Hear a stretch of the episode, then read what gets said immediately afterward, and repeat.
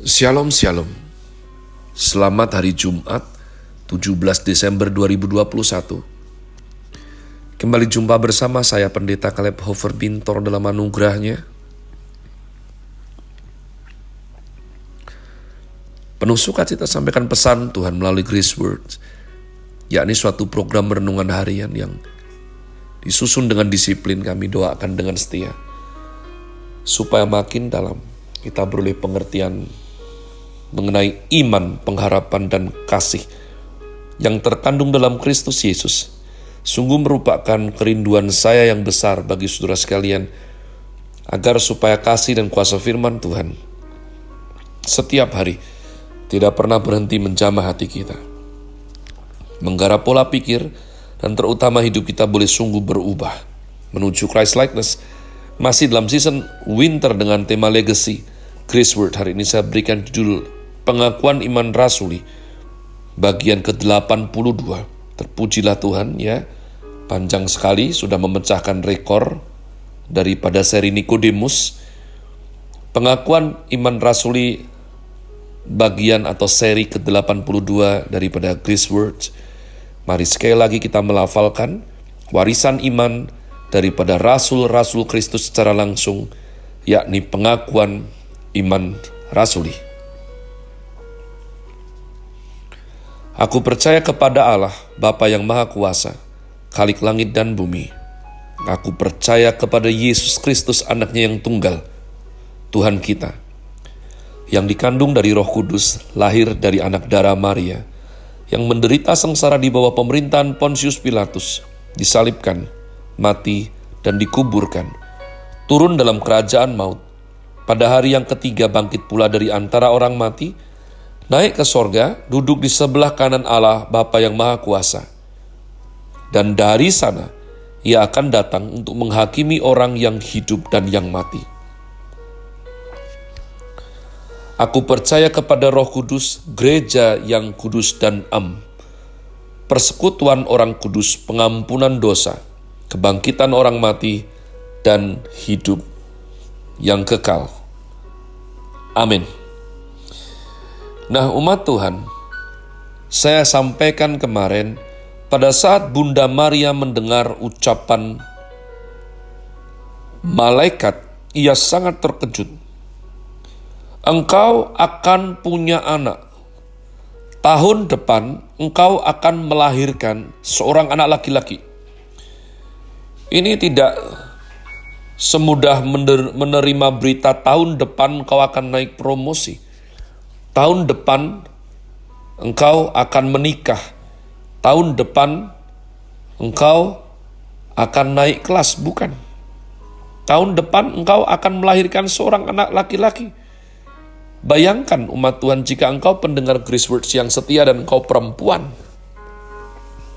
Ini sesuatu yang saya percaya di hadapanmu malaikat dan di hadapanmu juga kenyataan bahwa kalau engkau melahirkan itu artinya engkau mengandung dan engkau mengandung itu artinya engkau harus bersetubuh terlebih dahulu. Namun malaikat Tuhan berkata, oleh karena roh kudus, pada saat mendengar perkataan tersebut, sebagai perempuan yang saleh, yang baik, ya Virgin Mary itu dipilih karena dia takut akan Tuhan dan menjauhi kejahatan. Aku belum menikah, bolehkah aku mengandung? Nah ini ini merupakan suatu pernyataan bagi semua nona yang sayang Tuhan. Supaya engkau berjaga ya. Aku belum menikah, bolehkah aku mengandung dan melahirkan anak? Jadi kalau belum menikah ya jangan sentuh hal-hal yang seperti itu umat Tuhan. Malaikat berkata, roh kudus, kuasa yang sama yang menciptakan langit bumi, akan memberikan benih suci pada rahimmu. Allah akan memakai rahimmu untuk melahirkan sang juru selamat. Kepada Yusuf, Gabriel berkata, anak yang akan lahir, namailah ia Yesus Yesua karena ia akan menyelamatkan umat manusia keluar dari dosa. Gabriel berkata kepada Maria, "Karena yang engkau lahirkan akan disebut Sang Kudus dari Allah. Ia akan disebut Anak dari Allah yang Maha Tinggi."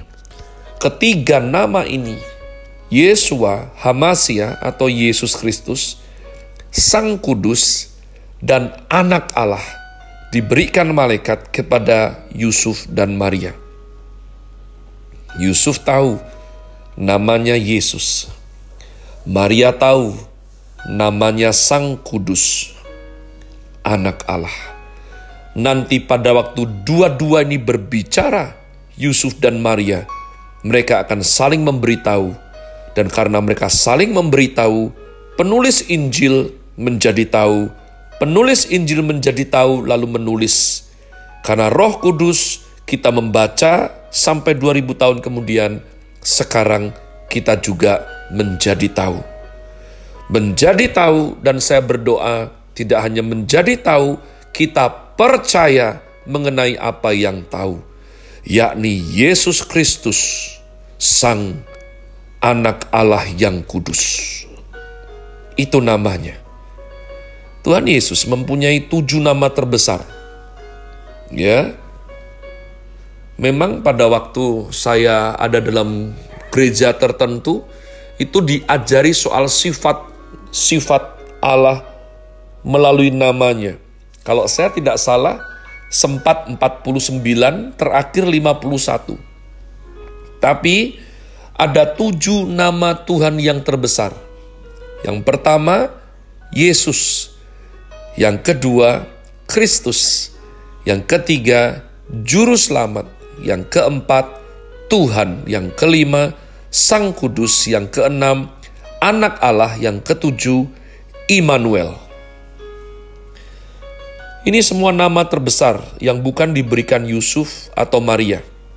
Perhatikan, tetapi diberikan langsung oleh Allah. Tuhan Allah melalui malaikat Gabriel yang bernubuat tentang kelahiran Tuhan Yesus. Tubuh Yesus Kristus yang berdarah daging. Apakah bisa dilukai? Alkitab berkata, melalui bilur-bilurnya engkau akan disembuhkan. Bilur berarti luka akibat dicambuk yang punya kait besi umat Tuhan. Tuhan Yesus dicambuk 40 kali kurang satu. Karena diyakini kalau 40 kali pas pasti mati. Jadi selalu disebut 40 kurang 1, 39. Ya, setiap kali cambukan memakai cambuk dengan tujuh cabang. Setiap cabang mempunyai tujuh kait besi. Sekali dicambuk dan ditarik umat Tuhan, itu membuat 49 lubang luka di kulit tubuhnya. Dan darah pun mengalir. Perjanjian lama bernubuat, ia harus menderita sengsara terlebih dahulu. Barulah ia masuk ke dalam kemuliaan.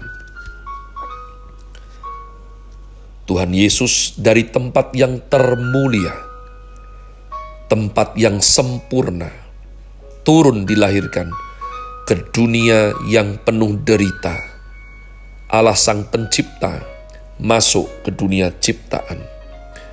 Allah yang adalah roh menjelma menjadi daging di tengah dunia. Allah yang penuh kemuliaan kekal di sorga, turun ke dunia yang telah jatuh dosa, penuh dengan penderitaan dan siksaan dari para pendosa. Tuhan Yesus memiliki tubuh yang akhirnya harus masuk ke kuburan. Tetapi sebelum masuk kuburan, ia pernah menjelma menjadi tubuh yang berdarah dan berdaging pernah ada di dalam rahim seorang perempuan. Ia tidak berdosa dan ia lahir menjadi manusia yang dibesarkan dengan kemungkinan dilukai. Maka Tuhan Yesus dicambuk, dipaku, disiksa. Menjadi fakta sejarah bahwa ia menggantikan kita. Tuhan Yesus punya tubuh yang lebih daripada kita karena Kristus Yesus adalah firman menjadi daging. Alkitab tidak menjelaskan bagaimana firman menjadi daging, tetapi firman ini pernah berwujud dalam diri manusia, bersalut tubuh yang berpeta teladan pendosa, peta teladan Buddha. Ya, di dalam Alkitab ada tiga jenis peta teladan Allah. Tiga jenis image.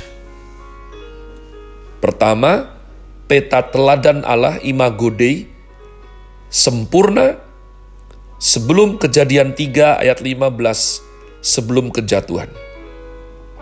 Yang kedua, peta teladan Buddha. Manusia yang bertuhankan Tuhan Allah jatuh mendengarkan suara iblis. Pada titik itu, siapa tuannya? Siapa budaknya? Manusia selalu bodoh, selalu bodoh jika tidak tinggal dalam hadirat Tuhan. Jika tidak tinggal dalam anugerah Tuhan, akan selalu terkena tipu daya iblis lagi, lagi dan lagi dan terakhir karena sudah jatuh Roma 3:23 semua manusia telah jatuh dalam dosa dan kehilangan kemuliaan Allah peta teladan pendosa. Ya. Jadi tiga jenis image ini umat Tuhan. Kita mengalami dua kita tidak mengalami yang pertama, itu hanya dialami manusia pertama Adam dan Hawa sebelum makan buah pengetahuan. Namun Adam dan Hawa tidak mengalami lahir baru, kita mengalami. Sebab Kristus Yesus menebus engkau dan aku. Have a nice day. Saya berdoa sungguh engkau bersyukur dan bersuka cita.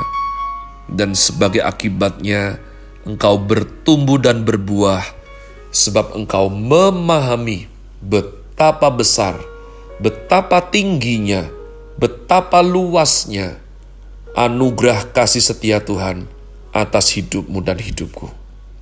Have a nice day. Tuhan Yesus memberkati saudara sekalian. Sola. Grazie.